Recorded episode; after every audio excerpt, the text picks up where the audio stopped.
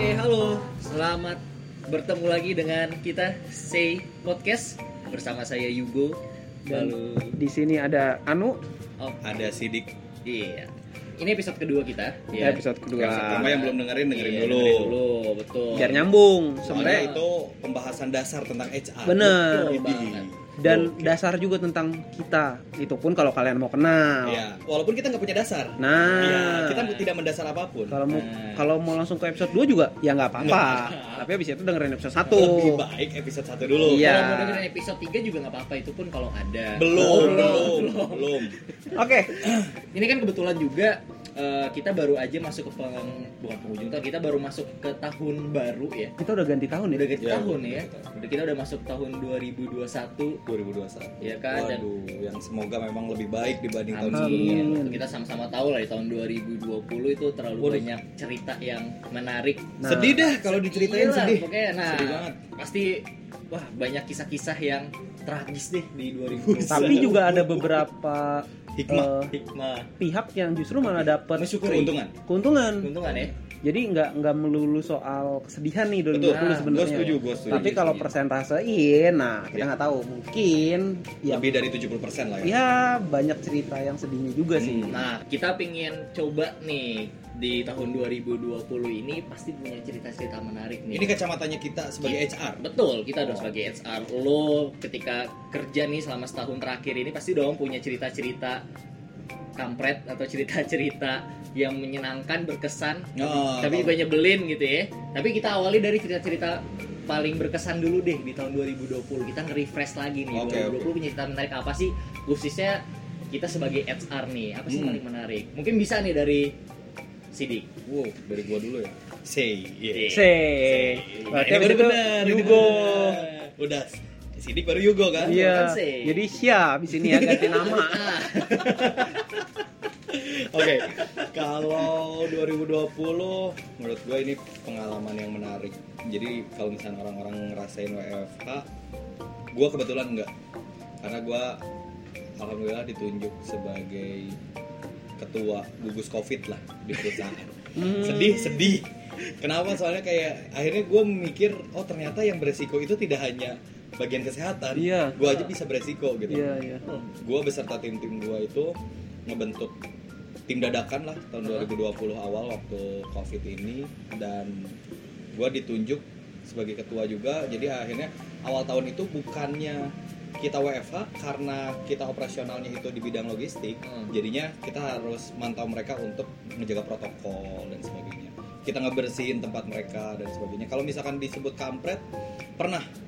Pernah banget gue ngerasain ngebersihin ngebersihin satu tempat. Di tempat kerjaan gua di cabang kecil lah. Itu gua waktu ngebersihin itu gue jamin bukan covid aja tapi ada ebola di situ juga ada demam berdarah. Banyak banget karena saking kotornya itu tempat. Gua Termasuk kemiskinan rendah. kemiskinan udah berteriak-teriak cuy. Wah lepaskan aku kakak ya kan? Akhirnya gue bersihin tuh bersihin bersihin. Gue udah wah udah udah siap-siap aja. Ini resikonya tinggi banget. Gue pakai sarung tangan pakai masker tapi nggak pakai baju. Enggak. Tetap pakai baju protokol ya kan? Maksudnya gue baju yang sekali pakai langsung cuci cuci gitu. Nah itu yang pengalaman terkampret lah kalau menurut gue karena menurut gue pribadi gue udah mempertaruhkan nyawa gue dan tim gue untuk Hmm. waktu itu uh, di mana covid lagi naik naiknya gitu. Hmm. mereka siap untuk ketemu sama orang uh, baru atau misalkan orang yang memang sebetulnya di satu perusahaan kita tapi jarang ketemu dan memang di mana mereka itu sering ketemu customer kita nggak tahu penyebarannya lewat mana gitu dan dari awal sampai akhir sekarang ditutup 2020 Desember kemarin juga kita nggak merasakan WFH Hmm. Oh, berarti lu masuk terus deh. Masuk Sabtu terus. Minggu masuk juga. wah Oh. jangan kata Sabtu Minggu bos Kalau ada setelah Minggu juga lu masuk Yeay, lagi. gila Kalender dia setahu gua ada 8 hari kan? 8 hari benar 8 hari Senin Selasa Rabu Kamis Jumat Sabtu Minggu Nah, Ada satu hari lagi tuh. Iya. Keluar. gue bingung dengan hari apa itu aja Nah, Iya. kalau dari gua yang gua penasaran adalah tadi lu Hmm. bilang kan baju eh, kerja cuci, Ganti, iya. ganti ganti ganti terus. Benar, kan? benar, benar. Pernah nggak ada satu momen lu kehabisan baju untuk kerja? iya. oh pernah banget pernah banget Pasti. pasti. pasti pasti Pasti ya. pernah pernah Oh, terus lu ngapain tuh? apa yang gue lakukan akhirnya baju terakhir gue itu gue jemur aja gue Oh. pakai Lo nggak set A set B? Hampir tapi kalau side A side B nanti yang side A itu udah di- dari luar masuk ke dalam dong Buat kalian kalau yang cowok, kasih tahu dong saat aset B. Gua nggak tahu ya kalau cewek menggunakan prinsip itu atau enggak. enggak enggak. Kalau cowok biasanya untuk bertahan hidup. Iya, bertahan hidup. Ada momen-momen menggunakan itu. Ya, dan parahnya itu waktu covid gue nggak berani laundry Wah, ngeri Oh, ngeri soalnya kan digabung digabung. digabungkan dengan Oh. baju orang makanya gue nyuci sendiri. Wah gue jadi sok rajin aja gitu kan. Pulang malam cuci. Bisa nyucinya bisa ya? enggak? Tetap aja kotor. Berarti lu cuma ngerendam doang tinggal ngerendam. Gilas gue injek injek gue injek injek Oh, biasanya iya, ya kayak harga diri lah di Sama? Sama. Siapa? enggak enggak. Oh iya. Masih nahan, masih nahan. ya itulah Oke. banyak di luar sana yang injek injek harga diri orang Gue penasaran. Terus lo ketika eh, jadi tim gugus gitu ya, jadi Tim gugus gugus covid, COVID. di perusahaan lo. Hmm. Nah, Ini bentar, gimana sih bentar. konsepnya? Bentar nih kalau ada suara motor, ada suara eh, gelas bunyi-bunyi ya. itu sengaja Itu itu sengaja sengaja. itu sengaja Itu sengaja. Jadi memang memang suasana biar itu apa biar ya? dapat aja Dapat, gitu. biar dapat. Kita memang padahal kita di dalam ruangan, seolah-olah kita lagi di luar ruangan. Iya, gitu. Jadi kita emang Jadi tadi suara motor gitu macam itu MP3 lah sebenarnya. MP3. Betul. Backsound itu backsound, ya, backsound aja. Itu juga kalau kedengeran. Kalau enggak ya anggap aja ada. Iya. Betul. Lanjut. Oke, nah gue penasaran. Hmm. Tadi berarti lu benar-benar keliling ke setiap Iya, iya. cabang gitu. Iya, iya betul. Cabang yang kebetulan gua itu pun daerah Jabodetabek. Ya Ah. udah gua keliling tuh dari mulai Tangerang sampai Bekasi pada saat itu. Nah, tapi akhirnya pada matuhi nggak protokol setiap Balik protokol? lagi ya itu kesadaran orang masing-masing kita kan tugasnya ngingetin sama ngasih contoh di awal. Iya. Nge ngebersihin tuh kayak gini, jangan sampai ada Ebola yang tadi kan. Oh, oke. Kalau misalkan itu yang ngikutin atau enggak, gua nggak tahu ya. Karena gua nggak punya nggak punya apa ya, God eye yang bisa Oh. ngelihat semua gitu kan. Nah, Iya, iya. gua nggak punya. Jadi kalau balik lagi kalau ke, eh, matuhin atau enggak, kayaknya matuhin kalau gua lihat. Hmm. Tapi di luar itu pasti apalagi orang-orang pada ngap pakai masker iya nggak sih? Hmm, benar, nah, makanya banyak yang dilepas dan sebagainya gitu. Padahal kita udah ngebagiin sarung tangan, mereka nggak pakai. Katanya nggak bisa mencet HP Hmm, alasannya. Gitu. Tapi Jadi, emang aslinya nggak bisa. HP gue sih bisa. Iya. Kalau gue sih biasa ini sarung tangannya gue bolongin di bagian ya- telapak ininya. Nah, tuh ada. Kalau gue gitu. Kalau gue kenapa Nah. bisa disentuh soalnya masih keypad. Bukan touchscreen. Bukan touchscreen. Tapi emang kalau touchscreen emang nggak bisa. Kalau teman-teman di sini nggak bisa pakai sarung tangan, Iya. gantilah sama keypad. Ganti HP yang kemarin lagi ya. Jadi silakan ambil lagi cari BlackBerry. BlackBerry, Nokia, Nokia, banyak banyak iya, kok banyak banyak banyak. banget. Ya gitu jangan nyebutin merek lah, belum dibayar Iya. sama Oh iya. Jadi tapi kalau kalian mau Dan bangkrut lagi mereka. Minta sponsor perusahaan bangkrut gila. Tapi kita nyebut yang bagus ya. Iya. Strawberry. Iya, strawberry. Mito. Blueberry juga dulu ada tuh. Oh iya blueberry. Strawberry ada, zaman Ada. dulu ada. Mito, oh iya Mito ya. Nah, gua makanya pakai keypad, makanya gua bisa-bisa aja gitu. Cuma Iya. alasan kalau kalau menurut gua gitu. Itu Tinggal- kampret sih. Bener, tinggal nyari aja handphonenya mau yang QWERTY atau enggak. iya benar. Kadang kalau misalnya nggak bisa QWERTY, gue bawa keyboard ke mana-mana. Keyboard Bluetooth. gitu. itu itu pengalaman terkampret gue sih. Kalau misalkan menyenangkan, apa ya? Menyenangkan. Ada dong. Menyenangkannya Pasti ada. Pasti ada. Menyenangkannya cuman gue belum ketemu aja. Gitu aja. Iya iya ini gue menurut belum gua nih, memikirkan. versi dulu gua, deh. versi gua. Iya, gua versi nggak tahu nih sama atau enggak. Salah Hmm. satu menyenangkannya ini gak sih WFA dan lo akhirnya bisa memilih tempat. Kan gue nggak WFA. Oh Iya, iya. Tapi kan nggak Ta- oh iya iya sorry sorry. Oh iya, gue bisa memilih tempat di mana gue bekerja. Iya. Nggak harus ke kantor gitu. Bener. Iya iya iya. Itu- Misalnya, itu Ya, pilihannya di lu mau di cabang mana gitu. Iya. Tapi tetap kantor juga atau enggak di misal shop. lagi di cabang Katmandu. Iya. Nah, lu bisa nyari Kathmandu tuh deket Nah, Lilidal ya? Lagi-lagi. Lagi. Kalau Kalau lu beda kalian itu- bukan di episode pertama ya. Ya, ta- kan kalau episode pertama kita bahasnya apa? Kota apa? Lilidal ya? Itu kota atau kabupaten sih? Kota-kota. Kota ya. Jadi memang wawasan kita tuh kan terlalu luas. Pembahasan Lilidal, Kathmandu itu udah dibahas di episode 1, Iya. 0 dan sebagainya. Ya kalian bisa Google lah. Iya. Gitu. Kenapa Gitu tadi? Apa tadi? Pertanyaannya? Ah, gimana? Oh iya, menyenangkan menyenangkan. Benar, gua bisa bisa kerja di mana aja. Nah. Gua bisa kerja di coffee shop dan sebagainya kalau misalnya memang gua lagi malas ke cabang. Hmm. Itu yang paling menyenangkan. Terus yang keduanya lagi sebetulnya jalannya jadi nggak macet. Oh. Itu menyenangkan. Karena gua mobile kan. Iya. Ke sana ke sini jalanan nggak macet, gua jadi lebih efektif secara waktu. Oh, lu di di pencet-pencet tuh. Apanya tuh? Pas kerja di pencet-pencet mobile. Oh, mobile phone. Oh, mobile phone. Mobile phone Oke, kan skip, skip. Mohon maaf nih, mohon maaf. Iya, bener. Gue soalnya udah gak dipencet HP-nya. Lah, kontradiktif. Sama yang sebelumnya. Oke, oke.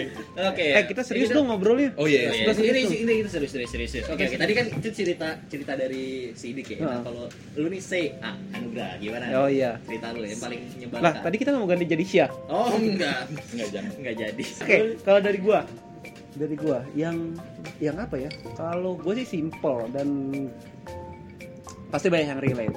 Hmm. Yang tidak menyenangkannya dari 2020 adalah pemotongan gaji. Wah, iya itu itu. Sih. Dah. Dampaknya ke mana-mana sih. Itu dampak Hampir ke mana-mana, semua Pak. perusahaan ya. Iya. Minum dulu air putihnya, no. Yang pahit itu. air putih di sini pahit ya. Iya. Rasanya kayak ah gitu pengen nangis aja Iya, bawaannya. Iya, iya, iya. Iya, jadi jadi pasti banyak banyak banyak orang yang relate nih di sini. Iya, iya, iya, iya, benar. Pemotongan Eh, gaji ya. Bahkan mungkin ada yang lebih menyakitkan lagi dari pemotongan gaji, Apa tuh? pemotongan hubungan kerja, Oh, iya, pemutusan, Pemutusan. sebenarnya. Iya. Hubungan Hubungan, Hubungan kerja, kerja, PHK, PHK, PHK jadinya. bukan PSK. Itu di episode 1. Episode 1 kalau misal teman-teman mau Udah, tahu udah, udah, kita, udah. dengerin lagi episode 1 ya.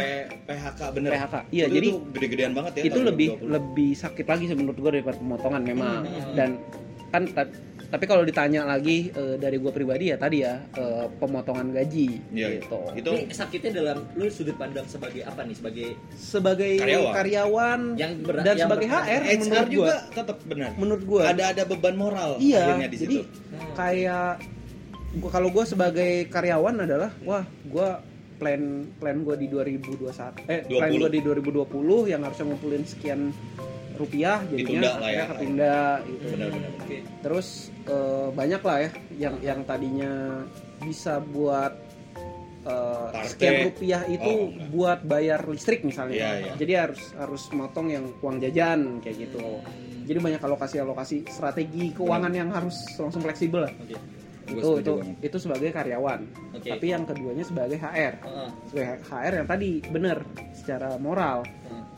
kayak ngerasa berat aja gitu untuk motong sekian rupiah di sistem payroll gitu Benar-benar. itu tuh eh, jadi jadi luar biasa sih tantangannya gitu ya Semua employee kena tuh ya dampak. Iya, betul. kena sebagian besar kena ada beberapa yang enggak yang kayak gimana ya adalah ininya eh, syarat Biasanya tuh kalau misalnya di perusahaan-perusahaan yang lain tuh kayak operasionalnya ya. Bia- kalau perusahaan lain ya biasanya biasanya operasional gitu. karena dia setiap hari harus bekerja gitu kan. Mm. dan apalagi kalau misalnya kayak pabrik kayak gitu kan pasti mereka juga datang nggak mungkin kan WFH mesinnya ada di pabrik kan Iya, iya, iya, benar benar juga. Iya. Kecuali dibeli yang mesin bertahan, satu-satu ya kan. Nah, itu pun datang ke kantornya harus naik motor atau naik kendaraan lagi. Benar benar benar. Kayak gitu. Nah, tapi gue penasaran, ketik kan pastilah kalau teman-teman juga yang sebagai HR nih ya, ya juga yang akhirnya juga merasakan harus apa namanya ngekat si A, si B, si C atau bahkan sampai pemotongan gaji gitu ya. Lu ngerasain nggak ada yang akhirnya sampai komplain ke lu atau bener-bener kayak curhat, wah Mas tolong dong tolongin saya dong. Iya. Ada nggak? Pasti, Pasti pasti, pasti ada. Ada yang Eh, paling berkesan banget nggak sampai bener-bener lu anjir nih gue mau nolongin nih orang nih. Iya.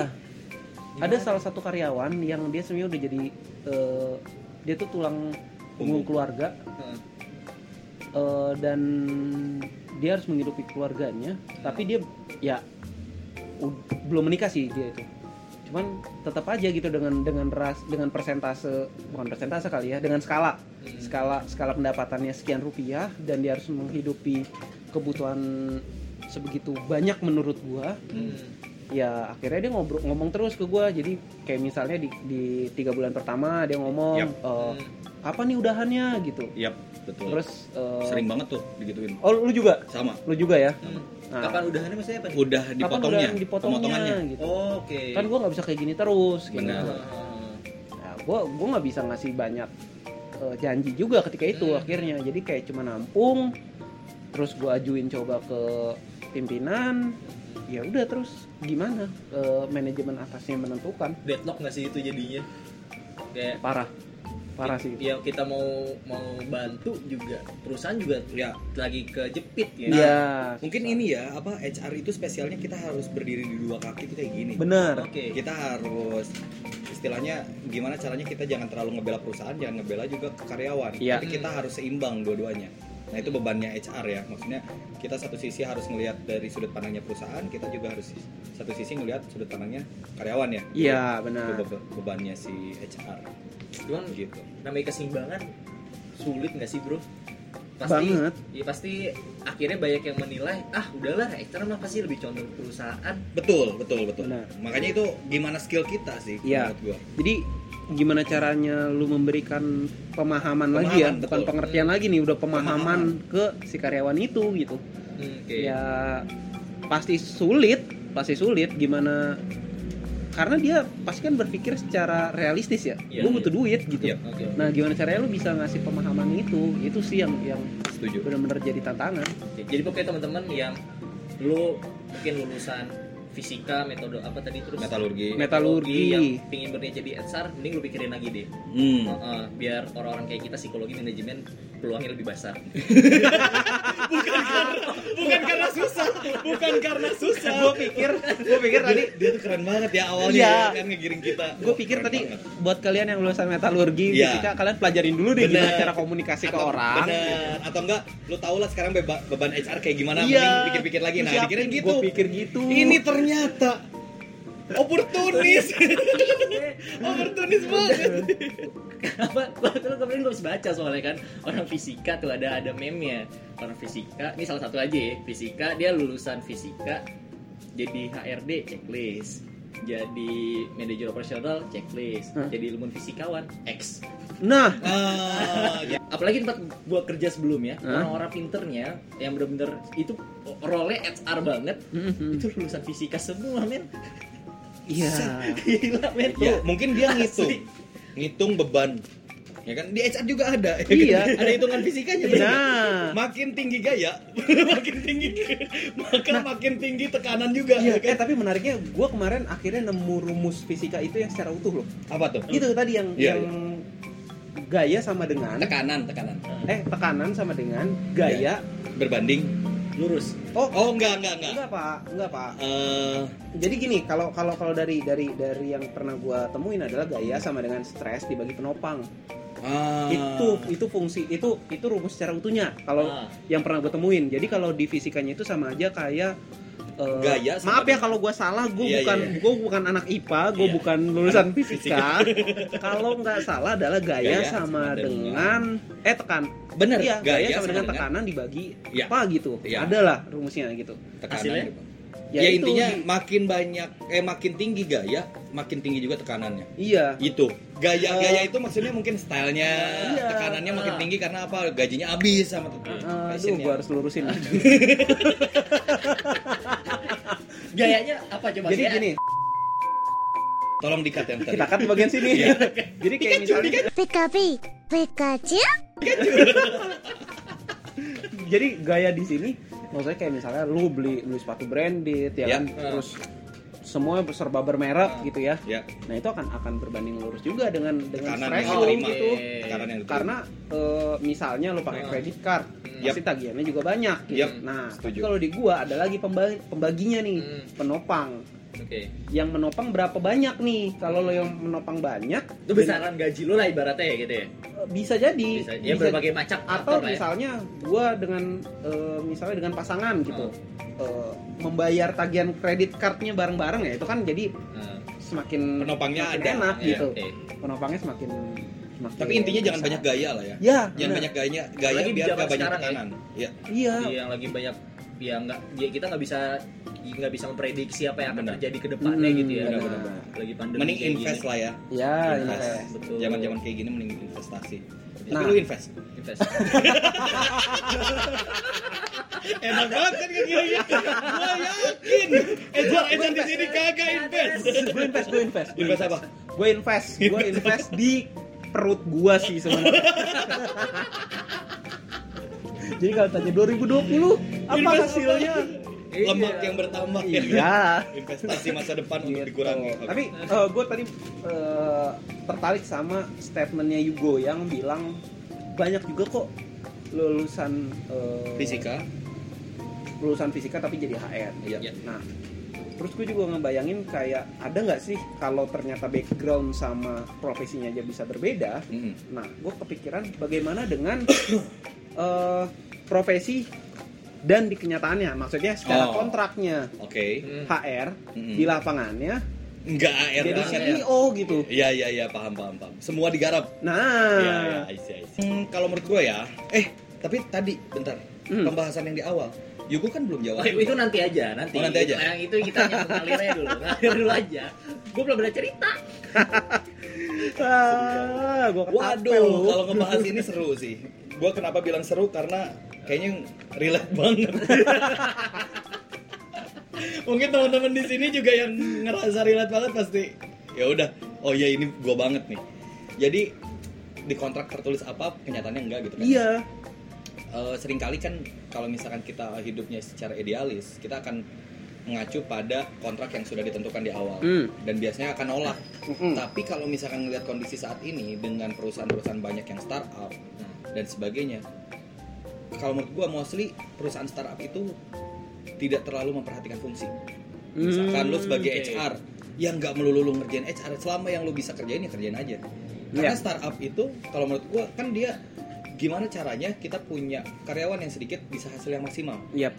karena perusahaan awal pengen untung ya kan kalau misalkan kita kebanyakan source orang tapi kita belum kelihatan untungnya alhasil perusahaan itu juga nggak akan ber- bertahan lama ya kan? malah justru eh, expense-nya besar ya betul Oke. gitu jadi kalau menurut gue sih harusnya orang-orang yang di startup ini akan relate banget dan balik lagi ke orangnya dia akan terima itu atau enggak kalau misalkan enggak kan istilahnya tinggal take it or leave it Yap. lu ambil atau enggak kalau misalkan lu mau sesuai dengan uh, rules lu ya udah lu kerja di perusahaan-perusahaan yang memang udah settle. Iya. Perusahaan-perusahaan besar lah. benar biasanya. yang ya. biasanya HR itu udah dijadikan sebagai human capital yang di mana Yep. itu lebih spesifik lagi kerjaan kita. Contoh gue dulu pernah kerja di salah satu perusahaan yang lumayan lah yang udah settle. Oh, gue sebagai ah, bukan bukan. Indomaret. Buk Alfamart. Ah, jadi gue nyebut. Gue kira Yomar Yomad Magic in Love itu Yomar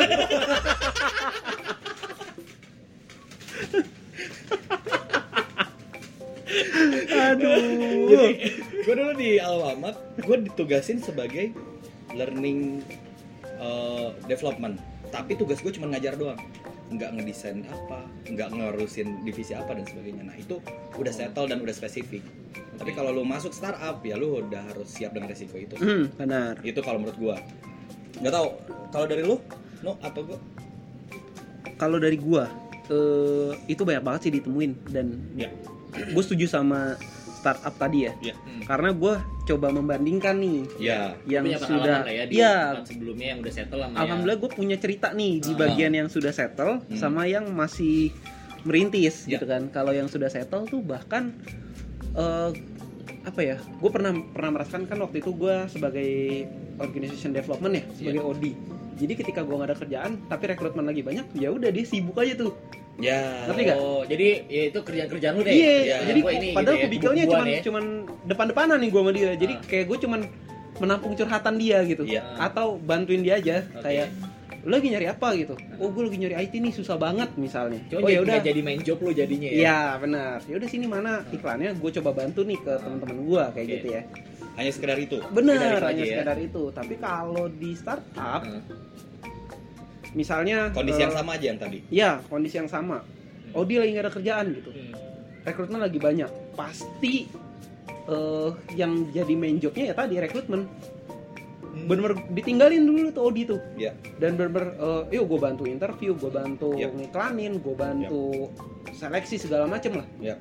bener-bener sampai ngejadwalin kayak gitu jadi bener-bener lo ikutan langsung tuh kayak gitu Kalau lu pernah ngalamin apa, Go? Kalau gua, nah gue kebetulan pengalaman gue di dua tempat terakhir gue itu di startup semua. Hmm. gitu jadi emang relate banget dan emang bener kalau di awal lo diiming-iming dengan tugas A B C gitu ya tapi pas sudah kerja lo bakal kerja sampai Z gitu. Ya. itu benar banget. Cuman balik lagi soal para kita mempersepsikannya sih. Kalau kita sebagai employee mempersepsikan itu sebagai suatu eh, lahan ladang ilmu gitu ya Hmm. itu tepat banget kalau lo pengen nyari kerja di startup gitu walaupun Hmm. tapi dalam artian gini kalau kita terlalu idealis dengan pengen mempelajari HR gitu ya lu Hmm. pengen benar-benar explore sebagai HR gitu ya ya mungkin lo akan lelah sendiri gitu dan kalau lu pengen benar-benar yang mempelajari dalam aspek bisnis ya di beberapa startup lo akan dapetin itu karena mungkin aja lo akan dapat pekerjaan yang itu di luar HR sebenarnya Hmm, Betul, betul. benar kayak gitu. betul. Tapi ya itu bakal gua gua akuin sih ngebentuk sih kerja di startup itu. Ngebentuk lo dengan berbagai apa ya? Dengan berbagai tugas yang diberikan, ngebentuk Ya. cara kerja lo, ngebentuk kepribadian lo malah nantinya gitu ya. Sebenarnya jadi kitanya nggak dikotak-kotakin dengan jabatan ya. Bener. Betul. Malah Ah. lebih lebih fleksibel. Mm-mm. Jadi ketika memang kita keluar dari perusahaan tersebut, kita punya bekal lah. Ya, Bekal gue banyak paham nih tentang ini gitu kan. Betul. benar Tapi ngomong-ngomong tadi secara fungsi yang sangat lumayan ya kita akhirnya ngambil fungsi lain. Fungsi apa yang paling jauh menurut lo dari HR yang pernah lo bantuin? Gua, Apa? gua pernah. Ini cerita tempat gua. Oke. Iya. Jadi eh lo kan di tempat gue itu gue sebagai training eh, operationnya Iya. Oke. jadi gue konsultan gitu ya tempat kerja gue itu konsultan jadi ya kalau konsultan itu kan ada yang bagian nge create ngedesain di awal sama ada tim yang dia nge-running gitu ya Oke. sampai end to end gitu Hmm. nah gue part di runningnya itu Hmm. gue ngejagain proses desain pelaksanaan hingga praknya kayak Oke. gitu nah itu main job gue Ya. gitu ya main job gue nah berjalannya waktu nih di tahun 2020 tentu itu paling berasa banget Iya. berasa dalam artian karena eh, mainstream perusahaan gue itu adalah di training dan khusus di offline training itu Oke. besar banget gitu yang ibaratnya satu training itu bisa nge-cover 6 bulan gaji lah. 6 Wow. bulan gaji untuk satu perusahaan gitu ya. 6 bulan sampai 3 bulan gaji gitu ya. Oke. cukup gede. Nah, Berarti kena dampak banget ya Wah ya? kena banget cuy. Dari yang bisa kena dampaknya itu hampir 90% lah bisa dibilang. Wow kalang kabut perusahaan gue waktu itu. Iya. nah akhirnya ya banyaklah berbagai hal akhirnya dia lakukan ya untuk ngembaliin entah yang entah yang apa namanya Buat jadi- metode lain. iya metode lain webinar dan sebagainya gitu nah cuman kan satu sisi juga kalau kita bicara konsultan ada dua aspek nih sebenarnya yang jadi pertimbangan orang mau pakai jasa jasa konsultan itu pertama orang di baliknya yang emang dia sekuat itu Hmm. kedua ya emang modal yang end, apa door to door Ya. kayak gitu nah perusahaan gue nyoba yang nguatin sosok satu orang gitu Oke. satu orang kan Si owner lo itu. Oh, iya Udah Owner pasti, lo. iya Iya, dong. ya Udah dong pasti, jelas iya dong kan? banyak berbagai cara deh Hmm. lewat sosial medianya kegiatan dan sebagainya dan salah satunya adalah ngebikin podcast Hmm, gitu ngebikin podcast Oke. nah awalnya gue nggak terlibat coy tiba-tiba gue dilibatkan Untuk ikut podcast. gitu podcast gue ngedesain eh, apa namanya skripnya Iya, iya, iya. skrip podcastnya gue pikir oh ya udahlah kalau misalkan skripnya tentang masih berhubungan tentang human capital atau human develop- development dan sebagainya masih relate lah nah berhubung owner gue ini sangat politis Hmm. jadinya podcastnya itu politik sekali Oh. Contoh? contohnya ngebahas banyak deh pokoknya deh semua aspek politik yang lagi sedang hits Oh. yang kemarin tentang Omnibus Law, itu dibahas tentang yang baru-baru tentang Yang ngurusin selangkangan itu ya. Hah? Iya kan, kan, pernah kan? Yang sampai Iya. di demo itu kan? Iya. Iya. Iya, RUU bener. RUU apa ya? Bener, PKS bener. ya? Hah? RUU PKS. Enggak dong. bukan. Itu yang yang itu loh yang apa namanya? RUU, RUU tentang apa gitu. Pokoknya Iya. ngomongin selangkangan orang lah ya. Iya, itu yang jadi bahas juga. yang pulang malam itu nggak boleh nggak sih? Iya, iya, yang pokoknya yang intinya dia eh, pulang malam nggak boleh, Iya, terus iya. di, di jam lah. Iya, gitu. Iya, Nah, itu. dibikin per jam. Itu yang demo pertama gede banget di Jakarta tuh. Iya. Iya, pertama. Itu gue lupa deh kalau itu udah dibahas atau belum. Pokoknya Omnibus tentang Law obat, itu. obat politik lah. Hmm. Jadi benar-benar yang berhubungan tentang human development itu jadi nggak ada sama sekali itu. Hmm. Oh, I see. Ditambah emang dia punya interest di situ kan. Oke. Nah, terus ditambah itu nggak langsung berhubungan dengan gini. eh, sayangnya hal yang dibahas itu jadi tidak langsung berhubungan dengan perusahaan tentang mendukung kekuatan kita sebagai sebagai konsultan people development Oke. Hmm. ya dong Jadi, gua lo mau nggak mau, akhirnya lo ngejalanin itu. Iya, gue melakukan hal pekerjaan yang anjir ini nggak ada hubungan tentang HR, Ya. ya kan? Oke lah, awalnya niatnya adalah untuk nge-branding, cuman brandingnya jadi jauh dari tujuan Oke. brandingnya, jadi jadi jadi nge-branding individu dia sendiri aja. Hmm. Ya, wah itu gue jadi kayak ngerjainnya setengah hati dong Hmm. ya dong karena eh, ditambah dulu tuh kantor gue unik kantor gue itu dia sistemnya poin jadi pekerjaan lo gaji lo berpengaruh dari berapa total poin yang bisa lo hasilkan dari setiap pekerjaan jadi setiap pekerjaan itu ada Ada poin-poinnya. betul pekerjaan ini lo hargai poinnya berapa Tapi Pekerjaan ada itu basic salary-nya pada saat itu. basic salary ya akan berpengaruh terhadap besaran poin kalau poin lo di bawah rata-rata gitu ya ada Iya. rata-rata cepet lah kan Iya, gitu iya. ya. Nah, misalkan di bawah Let's rata-rata misalkan 80 lah. 80 potong gaji lu wow gitu Berarti nggak dapat si basic salary itu. nggak bisa bisa dapat nggak dapat basic salary itu gitu Waduh. makanya pas ketika gue ngerjain itu Hmm. anjir ini mau masukin ke salary juga nggak enak gitu Iya, ya iya, iya. masukin poin pekerjaan tapi gue tapi juga banyak tekanan di situ Iya, dan itu membutuhkan waktu buat lo ya kan Pasti. akhirnya. Iya. akhirnya ya lu bayangin orang gue sempat refleksi diri kan teman-teman gue kalau misalnya ngeriset ngeriset tentang berbagai topik-topik tentang HR lah Hmm. atau metode dan sebagaya Ya. yang gue riset adalah hal-hal tentang berbau Politik. Iya. gue yang gue kayak bertentangan banget ya iya akhirnya. bertentangan banget gak sih kayak eh, apa yang gue liatin bukannya jurnal ataupun apa dan sebagainya gue liatin adalah kompas.com Benar-benar. CNN tapi itu sedangkan- kocak banget bro Kalau misalnya kita ngelihat fungsi HR sendiri kan harusnya netral kan kita tuh. Senetral mungkin jangan berpolitik. Contoh deh, kayak misalkan ada demo omnibus law kemarin. Iya. Itu kan HR nggak disaranin untuk ikut demo. betul nggak? betul Nah, jadi harus netral Iya, kita harus senetral mungkin. Kan kalau misalkan ada hal-hal yang kayak gitu, akhirnya kita gimana caranya? Yang tadi kita harus berdiri di dua kaki itu, Iya. ya kan?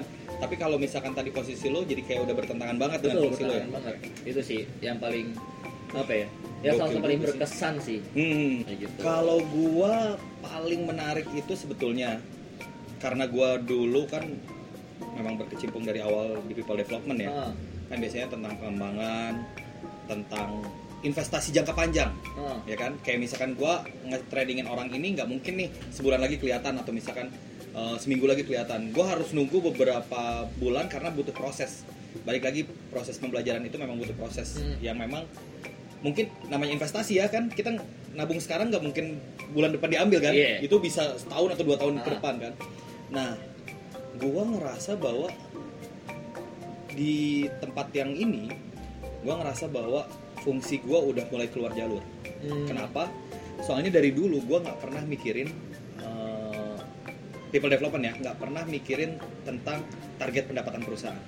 oke Tapi gue pernah dituntut eh, ngebuat program tentang pengembangan orang, Ah, tapi dituntutnya dengan berapa berapa persen atau berapa eh, rupiah yang akan dihasilkan dengan kegiatan lo atau program lo. oh oke Ya sebenarnya kalau misalnya ngomongin training ada ROI betul, Iya, ada return of investmentnya. Cuman Iya. nggak secepat itu gitu. Ah. Hasil Ah. gua dituntut untuk ngebentuk program yang menghasilkan sales lah intinya Ah, gitu. oke. makanya lu bilang tadi entrepreneur ya itu yang menurut gua udah terlalu jauh.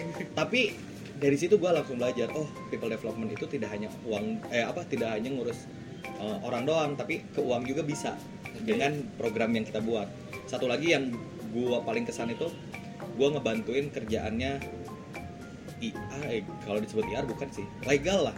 IR sih Iya jatuhnya IR ya. Iya. IR. Nah tentang fraud itu Oh, oke. gue belum pernah. Gue kan fokusnya adalah pengembangan orang. Ah, Sedangkan ini gue harus dituntut untuk eh, membereskan atau menyelesaikan permasalahan ketika ada fraud. Jadi gue ngebantu tuh investigasi In- intinya gue kayak detektif lah. Seneng sih seneng. Maksudnya ada ada ilmu baru, ada hal baru. Tapi kalau misalkan kita ngelihat efektivitasnya akhirnya wah ini wasting time juga nih. Itu Hmm. kan ngabisin lumayan nih waktunya karena investigasi itu bukan hanya sekali dua kali, tapi harus berkali-kali, memang harus tepat dan akhirnya kita nemuin oh masalah ini uh, bener fraud atau enggak gitu. Kalau fraud, yaudah akhirnya kita ngeluarin si hasilnya itu. jadi jadi kayak palu gada nggak sih pekerjaan kita kalau Iya, Iya, iya, iya, benar, iya, iya. benar, benar. Kalau kan dep- departemennya diganti aja ya, bukan HRD. Makanya tadi diba- dibahas kita CEO atau HRD. Iya. atau Itu. atau jadi DT. Apa DT? Departemen Toserba. Toko serba ada. Lu mau apa aja kita siap Iya, handle. iya, Kalau enggak ini kalau gue punya namanya One Stop Solution Officer. Anjing, Yongma banget. Magic in love. lu butuh apa aja kita siap. Kalau lu tadi kan dari Hugo, dari gua Iya. udah dari lu. pernah lo yang jauh banget gitu melenceng. apa ya gue gue lagi mikir sih dari tadi sebenarnya Oh, makanya lo tadi ke WC. Iya. Oh, iya. Jadi di WC tuh penuh dengan inspirasi Oh iya gitu. iya. Udah mengenang- dapat? Belum. Ya udah diminum dulu ya putihnya. Eh, gini, kalau gua ya, gua gua pernah bantu program marketing. Hmm. Oh, sama kayak gue ya. berarti Iya. Oke. Mirip lah. Cuman bedanya jadi jadi ini loh. Kadang tuh mindset-mindset orang di luar kadang ada yang HR tuh lebih pinter ngomong daripada kita gitu. Ya, Jadi ya, akhirnya kita ya, yang ya, ya. yang ngisi acaranya padahal Ah. ini benar-benar soal product knowledge banget nih gitu Iya, yang iya, dibawain kan mereka lebih jago ya Iya, gitu benar. dibanding kita gitu nah jadi ya udah akhirnya itu itu yang pernah gue lakuin terus mirip kayak MC gitu gak sih? Atau moderator? mengisi acara Pengisi malah acara? mengisi acara malah Wow. jadi yang Berarti selalu lo keluar ini bisa jadi MC dong ya? Wow jago banget gue Wah, gila. ulang tahun anak tapi ya yang lu jadi badut itu ya?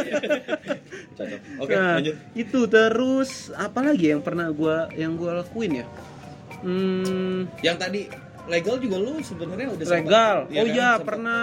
Ya tapi itu itu sebenarnya masih industrial sih. Jadi gua Iya. masih nganggapnya Itu masih, masih ranah gua lah gitu ya. Oke.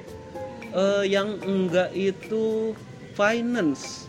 Wah, finance juga sih. kayaknya apa ya? Accountingnya nggak nyampe sih. Hmm. Cuman kayak jadi jadi beberapa bagian yang yang akhirnya tahu yang tadi itu pernah dibahas itu. Hmm. Akhirnya Betul. iya, jadi akhirnya ngomongin ROI gitu. Oh, Oke.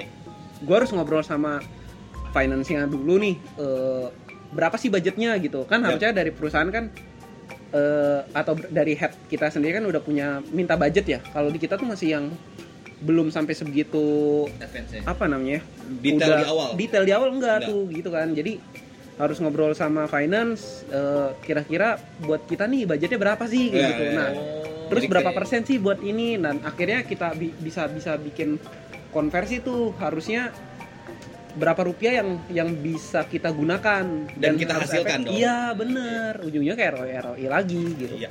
terus kalau sales kayaknya enggak deh kalau gue deh Oh, itu ya? lebih ke ranah yang di gua mungkin ya. iya itu Kalau di- lu di- marketing karena untuk yang tadi jadi pengisi acara. iya kat- kata mereka public komunikasi gue bagus padahal Oh. menurut gue emang bagus banget gila. HR juga harus ngomong ya. Ingat, Iya. ingat tuh. Ingat. Iya. Bener. karena nah ini sombong menarik menurut gua Iya. sombong tuh lo harus menurut dan lo harus punya kesombongan Iya, itu iya, iya. tapi sesuai porsi ya Benar, benar. karena lo akan ada momen di mana lo harus bisa menjual diri lo kalau lo nggak sombong ya kita susah gitu ya kayak misalnya kita mau jualan kaos deh. Iya. Kita nggak nggak bisa ngasih tahu kelebihan kaos kita. Ya orang juga nggak akan mau beli, benar? iya bener bener jadi harus harus ya tolong tanamkan dari sekarang harus sombong sesuai porsinya. iya Jangan benar sombong tapi padahal nggak pernah ngelakuin itu. Nah, ya, itu gitu beda ya. cerita. Beda cerita. Itu Sombong, lebih- tapi kok emang harus berilmu sih. ya sombongnya. Karena- paling enggak karena bisa bertanggung jawab lah Betul, karena kalau di lapangan lu kalau nggak pede gitu ya, Nah. kalau lu ketika lu harus ngehadepin komplain dari orang yang jabatannya di atas lu tapi harus lu handle, nah itu kan itu PR sendiri. bener Iya, iya. bener Setuju sih. gitu sih Modal itu sih yang harus kuat banget gitu ya. Ya, balik lagi kalau yang tadi kayaknya gue udah sih itu doang kayaknya deh. Hmm, hmm. Cuman eh, secara pekerjaan harian biasanya yang sering ditemuin Hmm, hmm. kayak gitu. Oke, tapi idealnya eh, menurut kita nih ya, sebenarnya HR itu idealnya emang yang harusnya palu gada atau sebenarnya udah sesuai dengan porsinya masing-masing sih? Hmm. Eh, Lu dulu Danu. Kalau HR itu menurut gua yang sekarang yang sekarang apa namanya laku ya baiknya sih mengerti semuanya. Kenapa? Karena bisa jadi bisnis partner. Nah, itu yang harus lo garis bawahi. Jadi bisa menjadi eh, partner itu kan artinya bisa membantu perkembangan ya. Iya. Jadi membantu perkembangan bisnis lo gitu. Karena kita kita kan bisnis berhubungan dengan human gak sih? Ya, Ya kan kalau dan orang yang paling mengerti yang akhirnya mempunyai ranah paling besar berhubungan dengan humannya yaitu orang HR gitu ya. ya, Betul. Dan itu akan jadi impact banget gitu. Oke, mulai ada suara ngaji mengaji Ya. Ya. gitu ya. Mungkin terakhir ya, harapan lo apa sih planning lo di tahun 2021 ini 2021 wah buat gokil nih. profesi lo sebagai buat HR? profesi gua pastinya gua harus nambah ilmu yang banyak karena Oke. memang gua punya target gue harus lebih generalis lebih helikopter view ngelihat terbang berarti iya benar harus gimana sih kalau misalnya kita terbang kita Kenapa kan bisa nggak? ngelihat Enggak sugar lebih- glider view iya pas dia terbang tuh. terbang bisa juga sih atau lo pakai apa namanya apa drone view Iya. drone view yang lebih simpel gitu Iya lebih sih, hemat benar. budget daripada helikopter gue soalnya nggak bisa naik kalau Kenapa di- kita permasalahin itunya sih? ya gue balik lagi target gue adalah gue harus nambah ilmu lagi gue harus lebih pinter di posisi gue bahkan kalau misalkan bisa gue harus Eh, gantiin ngembangin bapak. Iya. enggak gue Oh, harus iya. bisa ngembangin skill gue lebih lagi gitu Hmm. jadi HR misalkan gue baru skupnya baru 50% gue harus bisa 80% lah sekarang Iya, biar bisa ganti bapak kan bapak owner Oh, wah oh. gila enggak lah belum belum Oh, belum. gue kan di atasnya owner oke Kalau gua, Ah, kalau gue sih tadi ya balik mirip-mirip kayak si Sidik. Gua harus nambah ilmu lagi biar tingkat kesombongan gue bisa dinaikin lagi lah. benar gitu. benar Jadi biar lebih nyaman aja gitu karena kecemasan gue terlalu tinggi. Hmm. Gue mikirinnya kayak oh gue masih banyak yang kurang nih. Nah itu gue harus harus banyak nambah ilmu lagi. Terus secara apa ya? Keuangan kembali stabil lagi karena Ya, di ya, ya, ya. 2020 udah Benar. mulai termakan yang ya tadi ya tabungan udah ketidakstabilannya. Iya gitu. Kan nggak bisa juga ya kita mengharapkan BPJS kita cairkan. kita tenaga kerjaan ya itu kita harus resign dulu tuh harus satu bulan dulu nganggur Ya, eh itu. kayak jadi entrepreneur maksudnya Iya. sorry gitu. Itu Iya. sih kalau gua. betul oke kalau lo Kalau gua, kalau gua sih di tahun 2021 ini sama ya, belajar lagi. Gak bisa dipungkiri. Sekarang kita udah mulai berkembang, jadi banyak bermain di dunia digital lah, gitu. Nah, HR pun juga demikian. ya Kita harus sudah mulai bertransformasi Ya. karena masih banyak di luar sana yang menurut gua ya sepengetahuan gua sistem kita masih sangat sistem konvensional Ya. Nah, Setuju. kita harus mulai berkembang nih. Gak hanya berbagai divisi lain aja yang mulai menyesuaikan diri dengan digital, tapi kita pun sebagai HR Iya, sudah iya, harus iya, mulai. Setuju, Gitu setuju. dah. Bahkan di luar sana sudah sudah mulai berbagai eh, apa namanya penyesuaian dengan platform-platform digital yang bisa digunakan oleh orang-orang HR. Nah, benar benar kita harus sudah mulai main di sana dan gue lagi pengen belajar ke hal tersebut sih. Hmm. Oke, mungkin saat ini gue masih dibilang job seeker juga enggak ya, karena gue sedang tidak mencari pekerjaan. oke Oke, Jadi sedang emang Ini sombong, ini sombong, ini, ini sombong. bener sombong. Sombong yang Suka positif. sombong yang Iya, Ini iya, iya, sombong. Makanya gue gue sekarang lagi lagi eh, menikmati untuk mencari ilmu khususnya juga di tempat gue yang sekarang. Hmm. Tapi bukan tempat kerja juga ini, tapi ke tempat kerja juga ya. Ya itulah pokoknya bisnis. Ya, apa sih? Ya intinya ini harusnya masuk podcast GJLS Iya, karena gak jelas. tapi dia ya gue belajar tapi sambil eh, membuat sebuah platform edukasi khusus HR. oke Oke. Ya, jadi gue belajar tapi gue juga juga pingin ilmu yang nanti di sharing lewat platform gue ini bisa dimakan oleh teman-teman HR yang ingin mengembangkan dirinya untuk ke the next level. oke Kayak gitu. Itu nah ini ada closing statement juga nih dari salah satu artikel apa ya? Jadi HR itu perlu berkaca pada diri sendiri. Apakah proses-proses di internal sudah mendukung sepenuhnya untuk digitalisasi? Nah, Jadi itu. memang di artikel ini dijelaskan bahwa sebelum HR itu melakukan WFH tadi, dia harus eh, apa ya? Harus paham juga atau dia harus memastikan juga proses-proses kita itu bisa digitalisasi atau enggak Betul. gitu. Oke, berarti Betul, betul. Terus- kemampuannya pada taraf mana nih? Betul. Nah, untuk digitalisasi pengelolaan sumber daya manusia, Hmm. ya kan? Mulai dari hulu proses rekrutmen dan selection secara daring, pengelolaan payroll dan HRIS, Betul. learning and development dan performance mon- monitoring dituntut untuk lebih optimal dijalankan dan berkontribusi pada keputusan bisnis. Hmm. Jadi ini bagus banget sih untuk teman-teman yang HR eh, harusnya kalau misalkan lagi nyari kerjaan tentang HR ini pas banget. Jadi lo sebelum lo masuk ke HR harus mempersiapkan diri dulu gitu kan. Ya, Oke, betul. sip. Oke, Thank sip. you. Thank you. Sampai bertemu lagi di episode selanjutnya dan kita akan ngebahas berbagai topik lagi seputar HR ataupun tentang apalah pokoknya dalam pekerjaan kalau lu punya cerita-cerita menarik yang pengen diceritain dan akan kita bahas dari sisi sudut pandang HR ataupun employee boleh banget diceritain ke kita. Oke, see you next episode. フフフフフフ。